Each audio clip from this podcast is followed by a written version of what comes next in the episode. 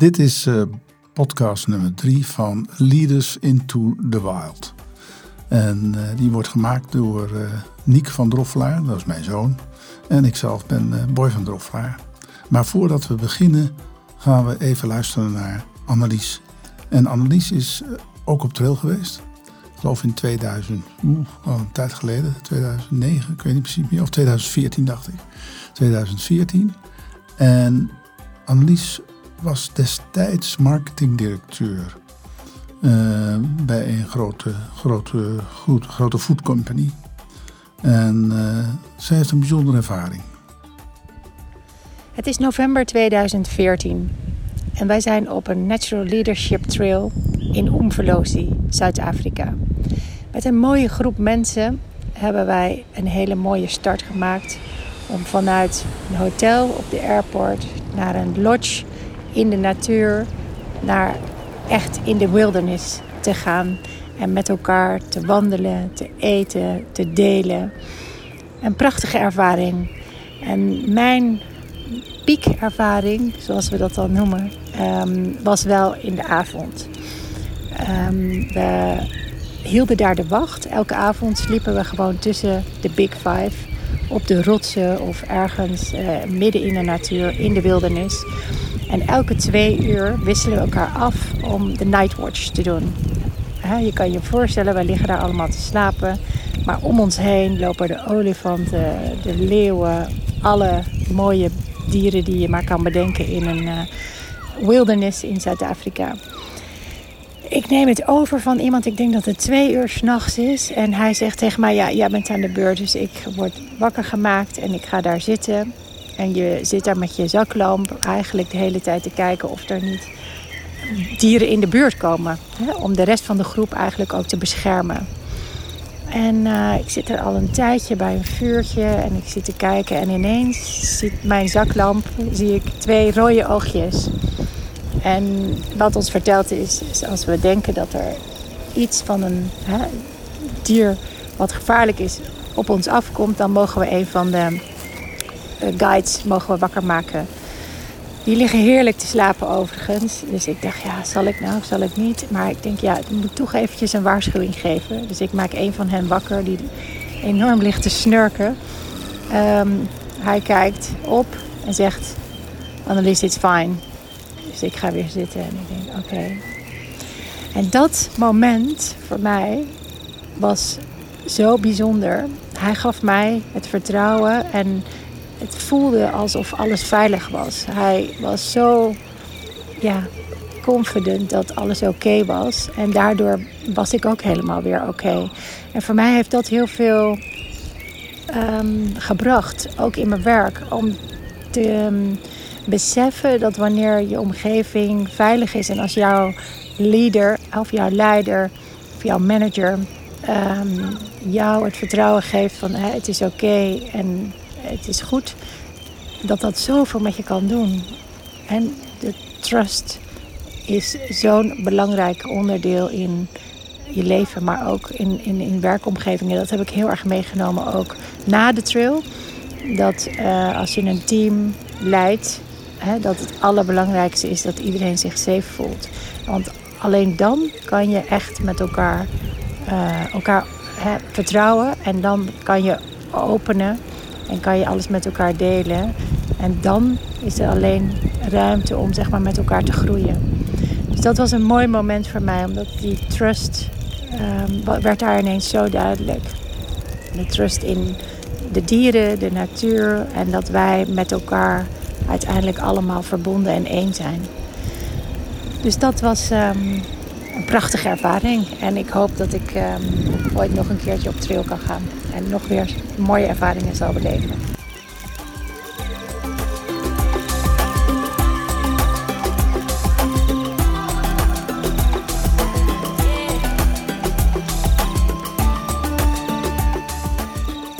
Ja, weer een heel bijzonder verhaal van, uh, van iemand die op de trail is geweest. En uh, lang geleden alweer. Maar daar nog steeds in, uh, in haar dagelijkse leven, in haar dagelijks werkzame leven, profijt van heeft. Of de vruchten, plukt. Het leek alsof ze zelf op dat moment midden in de natuur stond. dus de vogeltjes hoeven er niet meer onder te knippen, of onder te plakken. Um, ja, je hebt hem eigenlijk al geïntroduceerd. Uh, voor degenen die ons nog niet kennen, dit is aflevering 3 van Leaders into the Wild. Mijn vader is inmiddels 72 en is een pensioen acht jaar lang. een promotieonderzoek heeft hij afgelopen jaar afgerond naar de verbinding tussen natuur en leiderschap. Um, dat uh, heeft hij onderzocht bij een uh, stichting, heet Foundation for Natural Leadership, die leiders mee de natuur neemt naar Afrika. Um, en uh, ik ben zijn zoon, Nick van Droffelaar, ik ben 33 en actief bij de transformatiegroep, waar ik leiders en, en, teams mee naar de natuur neem. Niet naar Afrika helaas, maar wat dichter bij de natuur en zal daar ook mijn praktijkvoorbeelden bij delen in deze podcast. Waar gaan we het vandaag over hebben? We gaan het hebben over de wat doet nou natuur met leiderschap? Die verbinding, we hebben de vorige keer uitgebreid stilgestaan, wat doet de natuur met de mens? Maar vervolgens, wat doe je er eigenlijk mee als je weer teruggaat naar je werkzame, werkzame leven? Annelies als marketingdirecteur en uh, vele anderen die op trail zijn geweest, die sleutelposities hebben in het Nederlandse bedrijfsleven. En uh, daar zal mijn vader ook wat over vertellen, van dat het ander, een andere soort van uh, persoonlijke en of leiderschaps ontwikkeling is dat niet gericht is op skills, waar veel leiderschapsprogramma's nog steeds hedendaags veel op gericht zijn, heel cognitief.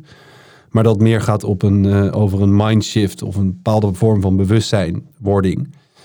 Um, in onze eerste aflevering hebben we het ook gehad wat het betekent als, uh, als onderdeel van een organisatie. Dat het niet meer draait om het ego, maar meer dat je als leider onderdeel bent van een ja, ecosysteem. Uh, dat je niet aan de top van de apenrot zelf bepaalt, maar dat je een onderdeel bent van een groter geheel. Dat inzicht dat uh, ook in de natuur echt snel binnenkomt. En Annelies bracht het eigenlijk al heel mooi, een peak experience, waar we het ook al in onze eerste aflevering kort hebben over, over gehad, maar waar heel veel theoretische en psychologische basis eigenlijk aan uh, de grondslag ligt. Um, om, uh, ja, om, om, om, om met elkaar te kunnen begrijpen van wat, wat vind je dan in de natuur als je op trail bent. Nou, we hebben hem even achtergelaten bij aflevering 2 toen we het hadden over wat doe je dan precies op een trail. Uh, toen zijn we gestopt bij als je de natuur met een uh, ritueel de indalba in uh, de natuur ingaat. En we zullen ook verder ingaan op van wat, wat doe je dan per dag en, en wat beleven. Ja, wat, wat, doe je dan op een dag als je op trail bent? En voornamelijk, wat doe je daarna? Want het gaat ook heel erg om de integratie van hetgeen wat je hebt geleerd tijdens een trail in je dagelijkse leven en in je werkzame leven. En, en daar heeft mijn vader ook onderzoek naar gedaan van beklijft dat dan ook, al die prachtige intenties, in uh, concrete acties waar een organisatie of een team uh, die voor deze leider werkt of uh, ja, de, daar, daar ook echt baat bij heeft. Mooi ingeleid zo. Prachtig. Denk het wel, hè? ja. Veel te vertellen vandaag, veel te bespreken. Ja, prachtig. Waar zullen we eens beginnen? Nou, ik denk ja, bij, bij Annelies. die op dat, ja, ik, ik denk dat ze, dat ze Rodney eh, bij zich had als, als, eh, als gids. Want die heeft de reputatie toch behoorlijk te snurken als je slaapt. Ik ken hem goed op prachtvet, een Zulu. En uh, dat hij haar in één paar woorden die dan zo diep raken... Uh, ja, dat, dat gevoel van... En de betekenis van vertrouwen heeft gegeven. Dat, uh, dat is natuurlijk een prachtig voorbeeld van een, van een piekervaring. Hè? en ja, en, en wat je net al zei, de meeste leiderschapsprogramma's die zijn erop gericht om uh, bepaalde vaardigheden te verbeteren. Heel cognitief in een zaaltje en er staat iemand die heel veel verstand heeft uh, dat over te brengen. Ja. En uh, ja, en, en, daar kom je altijd wel enthousiast vandaan, maar het hebt altijd weer snel weg. Maar in wezen gaat het in deze tijd, en deze tijd van enorme turbulentie en complexiteit, om toch een mindshift uh, te bewerkstelligen. En, en, en, en, en dat is niet eenvoudig. En de vraag is of je dat wel in een zaaltje kan. Want uh, je kunt een, en dan gaan we even heel bazaal terug naar een levenssysteem. En dat, een levenssysteem, dat, dat kan van alles zijn. Dat kan een organisatie zijn, maar het kan ook een mens zijn, een dier, noem het maar alles. Maar alles wat leeft een, een, een systeem is, een georganiseerd iets is. En een levenssysteem, dat is een, een stelling van uh, Varela en Maturana. Twee Chileense, heel bekende uh, neurologen, neurowetenschappers. Geen neurologen, maar neurowetenschappers. En die zegt, Uh, you can't direct the living system, you can only disturb it. Dat wil zeggen, dus wij zijn er altijd op met organisaties als levenssystemen, die gaan we dirigeren en controleren. En wezen zou je dat als toch meer moeten zien als faciliteren en vertrouwen en, en, en stimuleren moeten zien. Maar dat, die vraag van hoe kun je dan een levenssysteem disturben, hè, veranderen, dat kun je alleen om door het bewustzijn te veranderen, te raken. dus iemand echt raken. Wellicht vaak met emotie, want dan komt het echt binnen. En hoe kun je nou dat bewustzijn transformeren? Dat kun je alleen door het systeem zichzelf te laten zien. Als het ware uh, de aandacht die altijd inside-out is, hè, maar om die om te draaien en eens even naar jezelf te richten. Normaal Nederlanders noemen we dat zelfreflectie. of soms wel mindfulness en dergelijke. En dat uh, is, is een. Uh, want dan verandert het, dan gebeurt er iets. En je ziet ook dat dat, dat bij analyse, het heeft daar even geraakt. En het blijft er leven lang blij. William James, de grondlegger van de psychologie, die heeft eens gezegd: een, een iets wat je raakt in de natuur, laat een litteken achter in je hersenen. In de goede zin van het woord van litteken. dus dat, dat raak je niet meer kwijt. Dat, dat, dat zit in het episodisch of autobiografisch geheugen. En dat is, uh, ja, dat is een, een prachtige uh, manier om, om ja, mentaliteitsverandering, een mindshift uh, teweeg te brengen. En in, in dat verband gaat het over, over leiderschap. Hè? En we hebben natuurlijk al in deze podcast heel vaak over leiderschap gehad. Maar we hebben nog niet gezegd, wat is het nou? We hebben het nog niet gedefinieerd. Dus, en, en als je daar, ieder, er zijn duizenden boeken over leiderschap geschreven. En er zijn net zoveel duizenden definities van leiderschap. Dus je moet een keuze maken. Nou, ik kies voor het, leiderschap als definitie dat het is het faciliteren van de creatie van nieuwe realiteiten. Het is dus uh, het vertrouwen, het draagvlak, het, uh, de holding space, zoals ik het in de eerste uh, podcast heb genoemd, creëren, zodat er nieuwe, nieuwe dingen kunnen ontstaan. Creativiteit, innovatie, nieuwe realiteiten kunnen ontstaan. Want die keuze die heb je ook bewust moeten maken voor jouw proefschrift. Um, zoals ik heb verteld, ik heb zelf psychologie gestudeerd. Dus eh, leiderschap is daar uh, heb ik bewust voor gekozen, ook een vak. Dan heb je het over macht, leiderschap en besluitvormingsprocessen. Nou, dat is allemaal heel uh, droog.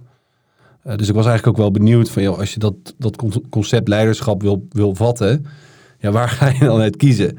Jij hebt gekozen voor authentiek leiderschap. Ja. Uh, wil je dat nog even toelichten in dit, in dit, in dit geval? Oh ja, zeker. Ja, uh, authentiek leiderschap. Hè. Ik bedoel, je hebt een hele ontwikkeling gehad van, uh, van, van transformationeel leiderschap. En, en, en eigenlijk in, waar ook al elementen als inspiratie en verbinding bij elkaar kwamen. Maar in het begin van deze eeuw door die economische crisis en de, en de schandalen en dergelijke, waarbij uh, enorme, uh, ja, toch wel onethisch gedrag van leiders uh, werd gesignaleerd, is er dus dat ethische element ook vooral bijgekomen. Dat, dat morele perspectief, hè, dat moreel kompas. En dus als je dus al die laatste vormen van leiderschap, definities of vormen, stijlen van leiderschap, uh, bij elkaar neemt en daar ook incorporeert, daarin stopt dat ethisch besef, dan is uh, authentiek leiderschap uh, volgens de wetenschappers is het, het, het allesomvattende construct, begrip. en dat heeft die vier kenmerken van self-awareness. Ik heb ze al een keer genoemd, maar ik zal ze nog een keer noemen. Self-awareness, dat moreel kompas, het echt luisteren maar dan ook met 100% aandacht. En niet met je, met je hersens, er, met je kop ergens anders zitten. En, en maar zitten te knikken uh, op de goede momenten dat jij denkt dat het goed is. Uh, en, en eigenlijk niet luistert, maar echt luisteren. En proberen te begrijpen wat de ander bedoelt. Dus proberen in de schoen van de ander te staan. En de vierde is dat, dat element van relational transparency. Dus je kwetsbaar durven opstellen. Die durven uh, uiten van hoe je je voelt. Uh, wat je intuïtie je ingeeft. En dat ook durven uiten in de groep. En dat zijn die uh, elementen van, van authentiek leiderschap. Hè, kijk, en leiderschap, daar wil ik dan nog even aan toevoegen. Als je dat etymologisch bekijkt, hè, dus waar komt dat woord nou eigenlijk vandaan? En dat komt vanuit het Germaanse woord leiten. En dat spel je L-E-I-T-H-E, leiten. En als je daarvan de betekenis uh, onderzoekt, dan kom je bij het woord drempel. Het is een, het over een drempel heen stappen. Dus dat faciliteren naar die nieuwe realiteit, naar die nieuwe fase gaan. Het oude durven achter je te laten. En daarom is de tweede betekenis van het woord leiden, ook in het oude Germaans, is doodgaan. Dus je durft die oude fase achter je te laten en het nieuwe, wat geboren wil worden, laat je toe.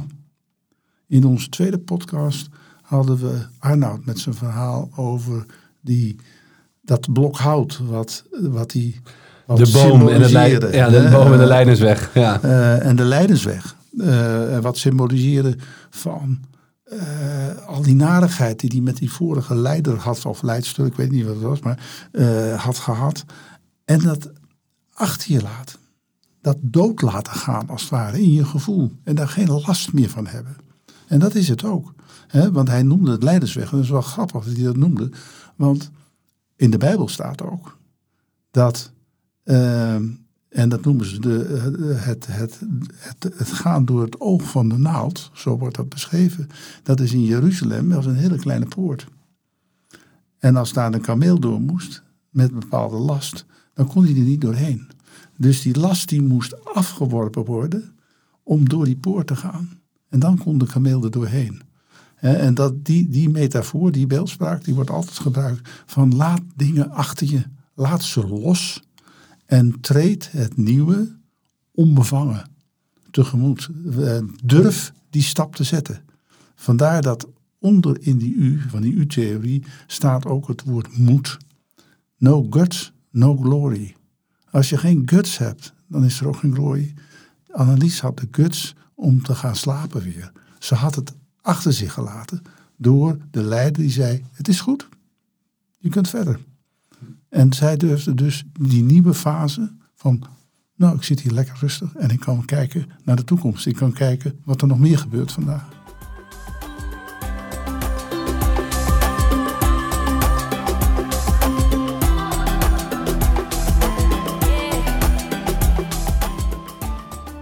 Ja, en dat openen van die ogen, dat, uh, herken ik heel sterk ook in de, uh, het werk wat ik doe. Waar ik zie dat ik bijvoorbeeld talenten van een talentenprogramma kan een voorbeeld noemen van een bedrijf wat enorm slimme mensen aanneemt. Dat zijn eigenlijk allemaal ingenieurs die op Delft het neusje van de zalm zijn en dan daar mogen komen werken. Dan na een aantal jaar, ze zijn rond de 30, 35, worden ze uitgekozen om in zo'n leiderschapprogramma te komen. Dus die vinden zichzelf nogal slim. Uh, en terecht ook. Uh, en, en ze worden ook daardoor ook aangemerkt. Maar in het programma waar wij ze uh, doorheen brengen en ook op trail gaan naar, naar de Alpen, gaan we van, van het hoofd naar het hart. de theorie U is daar een onderdeel van. Daar zullen we in de volgende podcast zeker op ingaan. Dat verdient een eigen aflevering. Maar ehm, is dat voor ons hartstikke spannend, omdat we ze. Ze hebben hun hele leven geleerd om alleen maar met hun hersenen te werken. En daar ook problemen mee op te lossen. En daar hangt ook heel veel van af. Want als zij een verkeerde berekening doen, kan dat enorm veel problemen veroorzaken en kosten en weet ik het allemaal.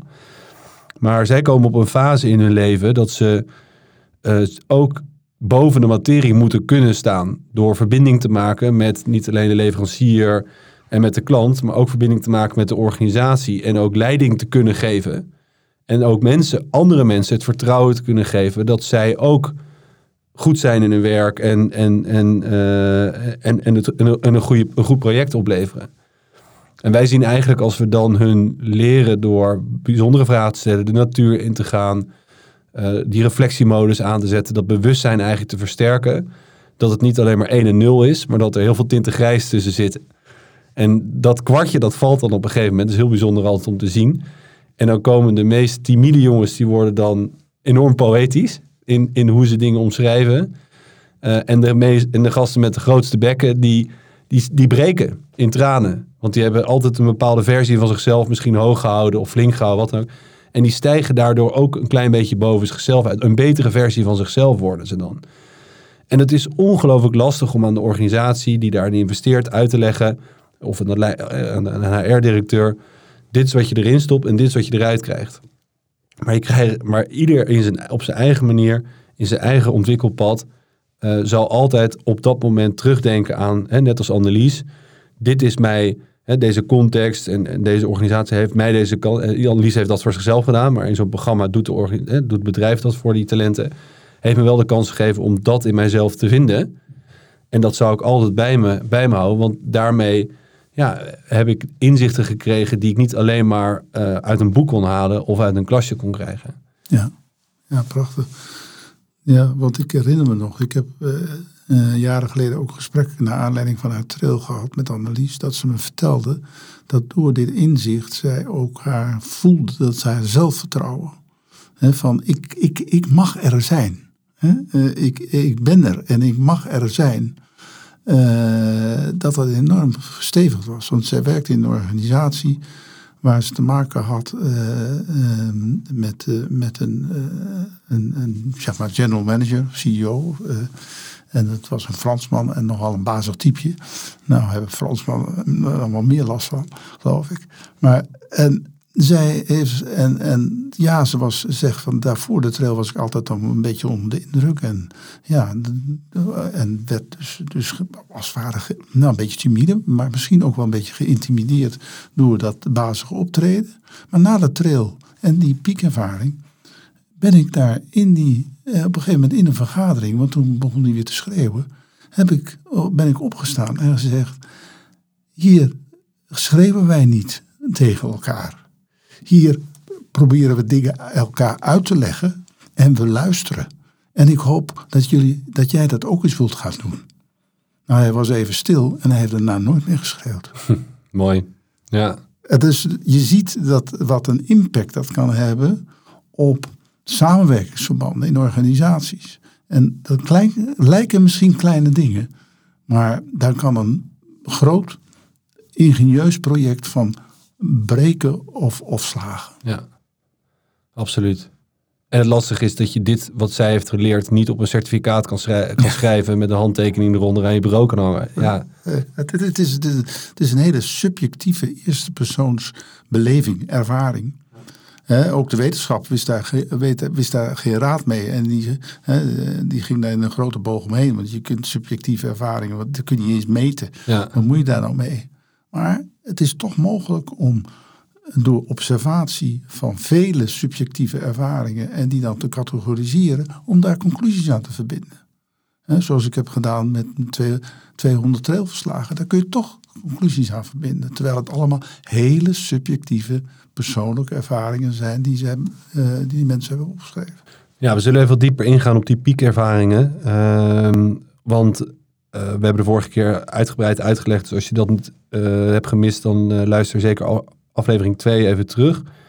Wat er vooraf gaat aan de trail, het moment dat je de natuur in gaat. We pakken hem daar nu ook op. Um, je bent op dag twee of drie op een trail. Vertel nou eens even, wat, wat doe je dan op, een, op zo'n dag? Wat, wat, hoe breng je de dag in godsnaam door? Nou ja, uh, de, nacht is natuurlijk uh, dat je uh, bij Tourbird de Nightwatch, hè, dan zit je bij het vuurtje en dan moet je zeg maar om de tien minuten even rondlopen met je grote zaklamp te kijken of van die oogjes zijn.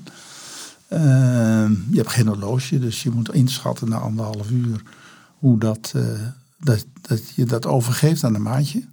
Nou, dat inschatten leer je heel snel. A, op je gevoel. Hè. je, je voelt de tijd van de natuur als het ware. Maar ook je kunt naar de maan kijken. En als je je vuist uitstrekt of naar een bepaalde grote ster en, die is opgeschoven van je oorspronkelijke punt en er is een vuistje verder, zeg maar, dat is ongeveer een uur. Dus uh, wat dat betreft, de natuur biedt alle mogelijkheden. Je hebt, je een horloge nodig. En, uh, ja, en dan wordt iedereen zo'n beetje wakker en gaat uh, voor zichzelf een ontbijtje maken met wat melkpoeder, muesli en, en, water en dergelijke. En dan in het begin van het heel grappig, dan heb je mensen die beginnen gelijk een backpack in te pakken. Van we gaan weer op pad en dit en dat. En dan kijken ze om zich heen en dan zien ze een paar mensen die nog lekker zitten te genieten van het ochtendzonnetje. Je ziet Ian en Rodney, de gidsen, die zie je de pannen van het eten schoonmaken van, met zand en water van de vorige avond. En dan zie je die meneer omkijken, of vrouw, zie kijken en die gaat dan naar Ian toe. En, ja, nog helemaal in de planningmodus, hè, nog in van het moet allemaal gestructureerd zijn. Uh, Ian, when do we go? En dan zegt Ian, we go when we go. dus het is heel relaxed. Het is helemaal. Uh, en dan op een gegeven moment dan, dan gaat dat heel natuurlijk. Door de verbinding. En dat leren we eigenlijk ook van de natuur. De natuur kent geen strategie. Hè? Ook, de, ook de evolutie kent geen strategie. Uh, als er niets gebeurt, gebeurt er niets. Maar als er ergens verbindingen ge, gemaakt worden, tussen dieren of tussen planten of hoe dan ook, dan gebeurt er iets. En dan volgt dat zijn eigen pad. En zo leven we daar ook. De, uh, iemand gaat een beetje inpakken. Oh, denkt de ander, nou, ik ga ook maar eens een beetje inpakken. Iemand zegt van, nou, ik maak nog even de ketel schoon. Oh, denkt de ander van, nou, ik ga ook even de pan uh, nog boenen, dat die mooi blinkend is. Uh, iemand zegt van, nou, ik ruim het vuurtje pas op, want dat staat ook centraal. We, als we een uh, plaats waar we, een plek waar we hebben overnacht verlaten en je kijkt om, kun je absoluut niet zien dat we daar geweest zijn. No trace policy. We laten geen sporen na. En dat, uh, ja, dat, dat, uh, en dan gaan we lopen. En genieten van de natuur in stilte achter elkaar. En als er wat is, dan knippen zo even met de vingers. Dat is een natuurlijk geluid, wordt niemand, maar dan is even de aandacht vragen van ik heb wat gezien voor de gidsen om even, even bij elkaar te komen. Of de gidsen vertellen wat uh, over wat ze uh, zien. Het kan een mestkevertje zijn die uh, zo'n mooi rond balletje maakt en dat voortduwt. ook de kleine dingen. We denken altijd dat Afrika de Big Five, maar ook de kleine dingen zijn ongelooflijk mooi. Uh, om dat te zien en te ervaren. En dan, uh, nou, dan komen we vanzelf wel bij een uh, volgende plek waar we onze matjes kunnen uitrollen en de slaapzak. En dan hebben we een council. Dat wil zeggen, we, vroeger had je dat op de kleuterschool. Ik had het op had je kringgesprek. Het kringgesprek, ja. maar nu met, de, met, de, met de talking stick. En dan, ja delen we met elkaar wat we, wat we ervaren hebben. En, en, en uh, ja, wat we, wat, we ook, wat we ook voelen. En dat, uh, dat zijn ja, de meest prachtige gesprekken. En niemand kijkt dan, ja, die heb je niet, een horloge. Kijkt dan van, moeten we nou iets wat anders doen? Nee, er, er is alle tijd. En nou, dan op een gegeven moment dan uh, wordt er eten gemaakt. Nou, iedereen pakt weer zijn eigen rol. Je hebt altijd iemand die wel uh, dol is op koken of zo. Uh, en iemand die dol is om, om op te scheppen op de botjes. en die is dan de mama. De mama. En die schept op het botje. Nou, en dan gaan we. En ja, ik schat in dat het ja, daar s'avonds om een uur of half negen, negen uur dan, dan uh, zoek het matje op en een slaapzak en uh, krullen we ons op en dan uh, gaan we pitten. En dan wordt de afspraak gemaakt wie, voor, de, voor de nightwatch. En zo ontrollen zich de dagen. Ja, dus dan, jij bent in tien dagen in de Afrikaanse natuur. Um, in mijn voorbeeld. Nou ja, met een heen- en terugreis, hè? Ja, klopt. Je, je bent ter plekke zo zes, zeven dagen. Ter plekke, oké, okay, actief zes, zeven dagen. Um, in, in mijn voorbeeld is dat uh, ongeveer vier dagen in de Alpen. En daarmee mm. proberen we dan zoveel mogelijk ook na te bootsen. Dat betekent dat simplicity heel erg belangrijk is. Dus echt back to basic. Um, uh, geen dure hotels of ingewikkeld gedoe. Sterker nog, ik heb een klant die, die zei van ja, ik wil eigenlijk hoe meer, hoe rauwer de natuur, hoe beter. Toen zeiden we, nou, weet je, dan moeten we naar, naar Slovenië, zei de gids. Nou, dan gaan we nu naartoe. Is voor mij ook best wel spannend eigenlijk, maar heel gaaf. Heel veel zin in, eh, nu het uh, straks allemaal weer kan. Ehm, en dat maakt het ook wel uh, simpel en eenvoudig.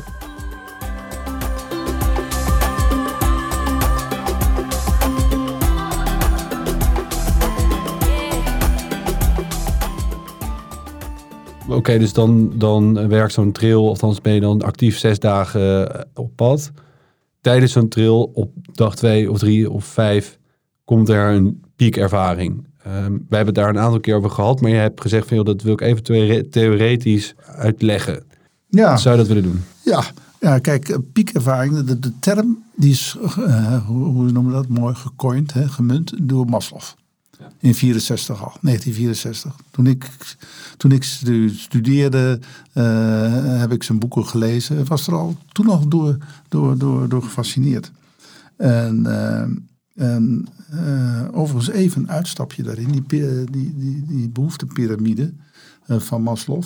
Daar onderaan staan de, de fysiologische behoeften. Dus eten, drinken. En dan komt veiligheid. Dan de sociale behoeften. Dan erkenning. En dan zelfactualisatie. En daar boven die zelfactualisatie. Daar als een soort fonteintje. Heb je dan die, die piekervaring.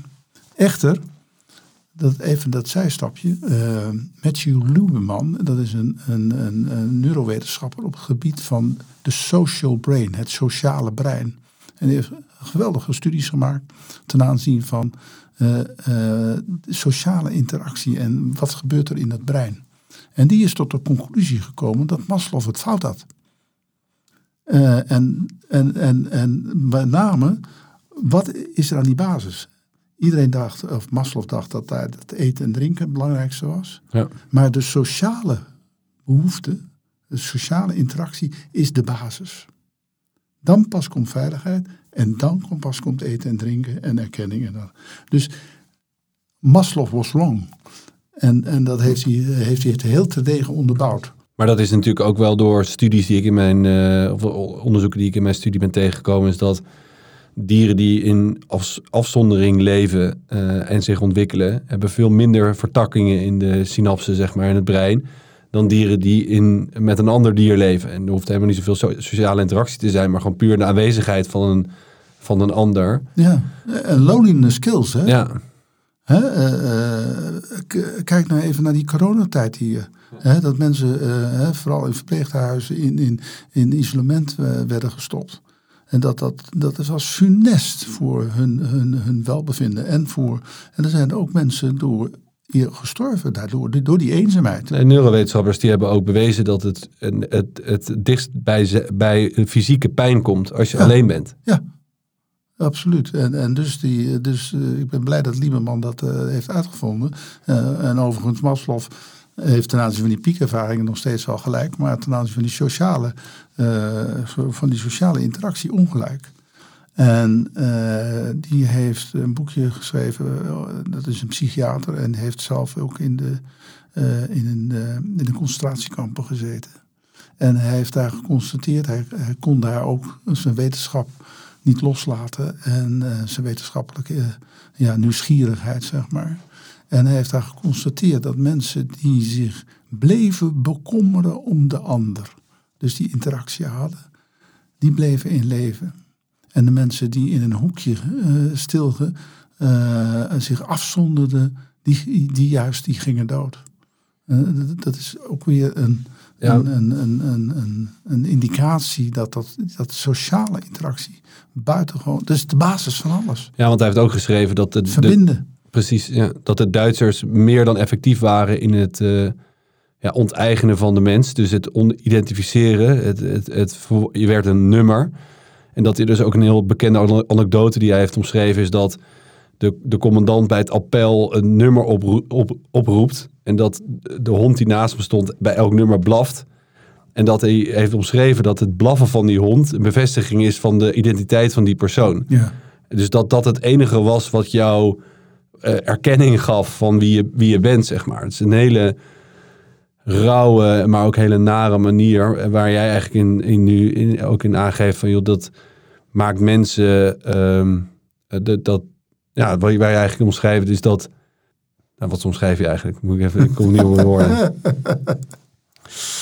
We kunnen dat stukje er ook uitknippen hoor, denk, ik- bedenk ik me nu. Maar ik moet er gewoon aan denken, omdat ik het gewoon interessant vind dat, dat, het, eh, dat, dat het voor iemand die dat, me- dat beleeft, dat, het, dat dat de bevestiging moet zijn van wie je bent. Ja, ja. en Kijk, dat je dus elkaar nodig hebt om, om, om, om eruit te komen. Ja, maar het is zo bazaal. Kijk, ook in, in je, in je brein eh, gaat het niet om de neuronen, maar het gaat om de verbindingen tussen de neuronen.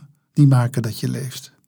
Die verbindingen die maken dat je bewust bent. Die verbindingen maken dat je kunt zien en kunt horen en kunt, kunt zijn. Juist die verbindingen tussen die neuronen. En daarom, en die verbindingen die ontstaan door waarnemen en bewegen. Je moet vooral bewegen blijven. Blijven bewegen, kijken. Dus dat bewegen wat we tegenwoordig zeggen voor ga de natuur in, is niet alleen fysiek belangrijk om je, om je motoriek als het ware in stand te houden. Maar het is met name ook in je brein, want iedere keer doe je een nieuw indrukje, wordt een nieuw verbindingje gemaakt. En dus verbinden, sociaal verbinden, maar een brein verbinden tussen de synapsissen en de dendrietjes en de axonen is, is, is, is, is het meest basale en essentiële. Maar goed, naar, terug naar die piekervaringen, Ja. eh, daar bovenin. En eh, wat we zien dus, eh, dat eh, in de natuur, als leiders naar in de natuur, dus op die manier zoals we beschreven hebben, in alle rust observeren, zien dat de natuur die spiegel voorhoudt, dat ze zichzelf herkennen in die natuur. En op een gegeven moment eh, ja, ontstaat er een, een combinatie van een, als het ware een interne projectie van een, van een situatie op die natuur. En die natuur geeft, dat iets, een, geeft als het ware een antwoord. Het kan zijn eh, dat een olifant met een jongen aan de overkant loopt, op een bepaalde manier met elkaar communiceren. En dat je daar ineens terugziet hoe jij met je moeder of met je vader communiceerde, of hoe je met andere mensen communiceert. En dat het ineens enorm binnenkomt. Nou, dat, dat kan een piekervaring zijn die je eh, ja, toch omzet tot een intentie. En eh, ja, in eerste tot een inzicht en, dan, eh, en, daar dan een intentie van maakt. Nou, in mijn onderzoek heb ik eh, die piekervaringen kunnen categoriseren in, in als het ware in, in vier categorieën. En, en de eerste is het, het besef om volledig te, in, in, in, in, volledig te zijn in het hier en nu. Er zijn. En met, met, met aandacht op het woordje er. En er kan dan zijn in de tijd, hier, maar het kan ook zijn er zijn voor de ander. Er zijn. Er zijn in, in het hier en nu, dat beleven. Uh, dat is dat, is, dat, dat, dat enorme besef van, van er zijn. Dat is, uh, Heidegger heeft daar als fenomenoloog heel veel over geschreven. Best moeilijk wat hij erover schrijft, maar in essentie komt dat er zijn, hij noemt dat daar-zijn, komt daar uh, tot, uitdrukking. En de tweede categorie is uh, dat je je bewust wordt van jouw persoonlijke waarde. Wat, wat vind ik nou echt belangrijk in, in dit leven? Waar ga ik voor? Waar, en waar zal ik ook nooit van afgaan? Waar zal ik ook nooit van wegdrijven, als het ware? Waar blijf ik voor staan? Ook in moeilijke situaties. Hè? Dat, ze, hè, dat je dat beseft. En, nou, dat, dat, en daar komen natuurlijk voorbeelden bij langs waar je hè, op dat randje hebt gestaan van moet kunnen of kan ik niet maken. Dat, dat, dat evenwichtje. En die zie je allemaal. En dan zie je terug in de natuur van hoe, daar, hoe het daar gebeurt. Dat evenwichtje wat overigens grote gevolgen kan hebben. Ja. Is een heel, je noemt het als een hele fijne lijn. Ja. Die zit in hele kleine beslissingen in je leven. Ja. Kunnen ook hele grote gevolgen hebben. Precies. En uh, waar je ook inderdaad op, op in, inspeelde op de, het leiderschap en de ethiek. Uh, dat je een bepaalde morele verantwoordelijkheid hebt naar je organisatie, maar ook naar de maatschappij. En die eigenlijk alleen maar steeds groter wordt. Van dit moet kunnen.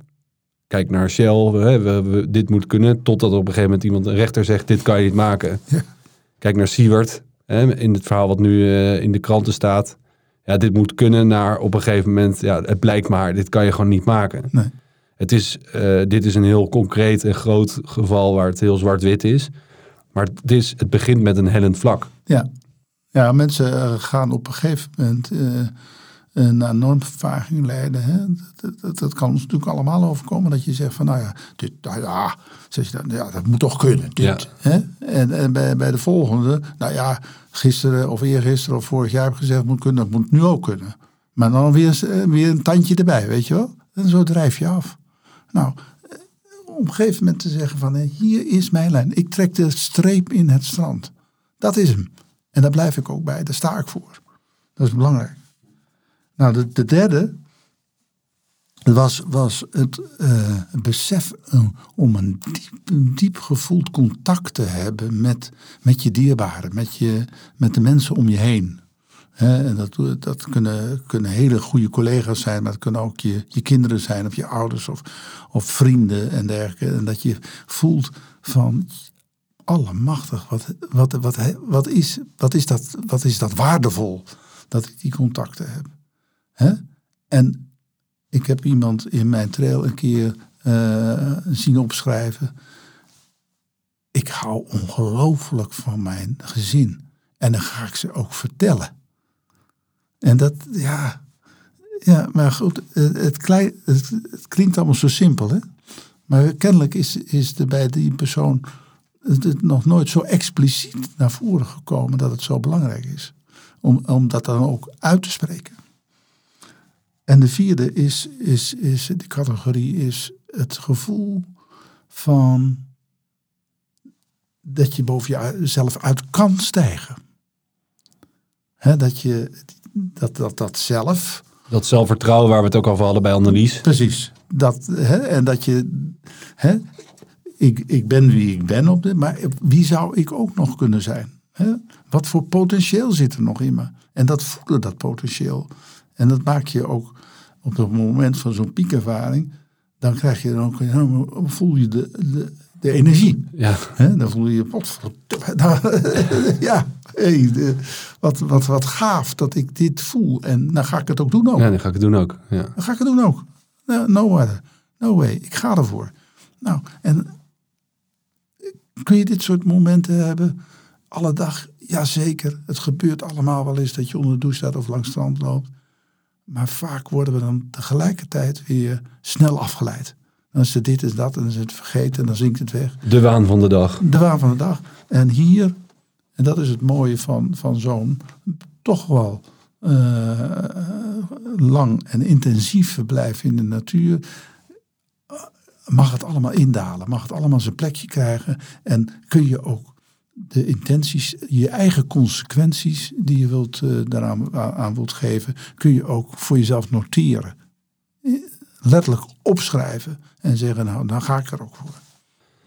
Ja, want eigenlijk heb je, dat is ook wat je hebt onderzocht in uh, een van je artikelen van je promotieonderzoek, dat je ook uh, de mensen die op trail zijn geweest, een x aantal jaar later ook hebt getoetst uh, op, op, op de, ja, zijn de, de, de intenties die daar zijn, ont, uh, tot, uh, zijn ontwikkeld, ook zoveel jaar later nog steeds tot actie gekomen. En ja. beklijft dat ook. Kan je er iets over vertellen? Want dat, daar was je nogal blij. Ik, ik kan me nog wel, dat was voor bijna een peak experience in jouw proef, ja. proefschrift. Dat dat dus de, de, de intenties die daar tijdens de trail zijn ontwikkeld, nog, nog verder beklijven, of meer beklijven dan één of twee maanden daarna. Ja, ja.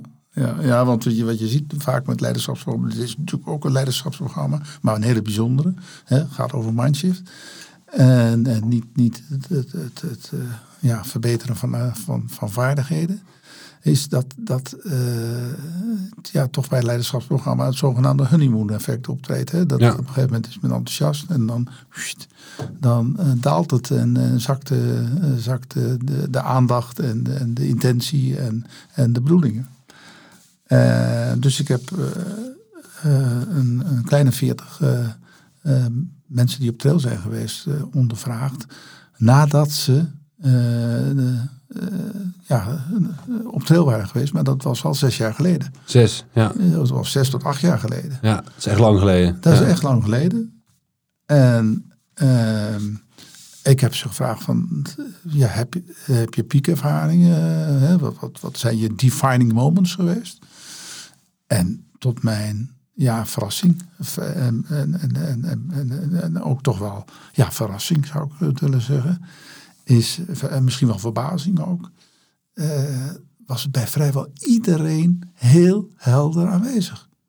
Uh, het is niet zo van, god ja, wat was het ook alweer? Nee, het was, kwam er zo uit. En, en sommigen gingen erover vertellen.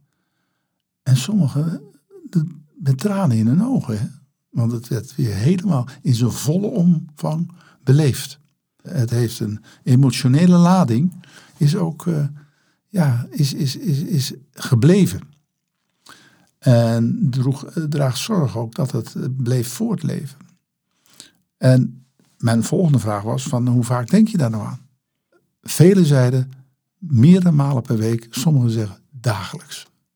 Dag, elke dag komt er wel een momentje poep dat het opkomt en dat ik weer aan terugdenk. Zo zal Annelies waarschijnlijk ook wel dagelijks dat moment hebben dat ze even dat scheutje zelfvertrouwen, hè, wat ze van Rodney had gekregen, weer voelt op een, op een moment dat je nodig hebt. Op momenten die ertoe doen. Nou, dat, dat, dat kwam eigenlijk unaniem uit, dit, uh, uit deze interviewsessies. Ja, want voor Annelies, en daar begonnen inderdaad ook mee met haar prachtige anekdote, is het toch alweer een aantal jaar geleden. Waar we eigenlijk vandaag uh, op in deze aflevering hebben gehad over de impact van natuur op leiderschap. Um, waar je zegt van dit is in plaats van een skills training, gaat het echt naar een mindshift. Wat een, een, een, een diepere vorm van bewustzijn uh, creëert. We hebben daar ook uh, over gepraat. Je hebt weer uh, een hoop referenties die mensen kunnen opzoeken na de aflevering van welke interessante wetenschappers en, uh, en psychologen en neurowetenschappers hebben hieraan gewerkt. Um, ik wil ook volgende keer nog wel eens even wat dieper op, op bewustzijn zelf ingaan. Want het is ook een, een gebied wat enorm, uh, de kennis al daarvan en onderzoeken daarnaar, ja, dat enorm in ontwikkeling is. Ja. Uh, dus daar uh, ja, gaan we volgende keer nog wel even. Mag nog een aflevering krijgen. We hebben het inderdaad ook al gehad over wat gebeurt er nou precies op zo'n trail. Wat, wat, wat houdt dat in? Wat doe je dan zo'n hele dag? Maar vooral ook daar, daarna dat het niet inderdaad in het luchtledige valt en, en, en, en, zoek het maar uit. Maar dat je ook echt daar, daar iets mee doet en dat het ook jarenlang bij je, bij je blijft.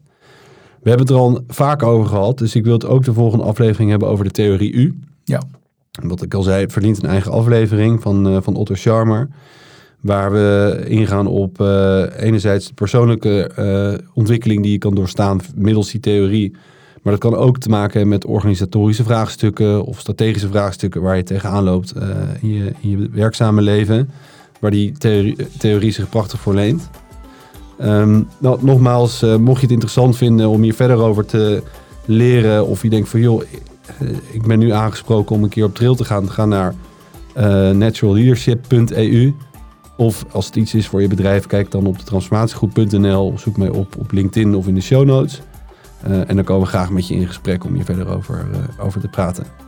Voor nu dankjewel en tot de volgende aflevering.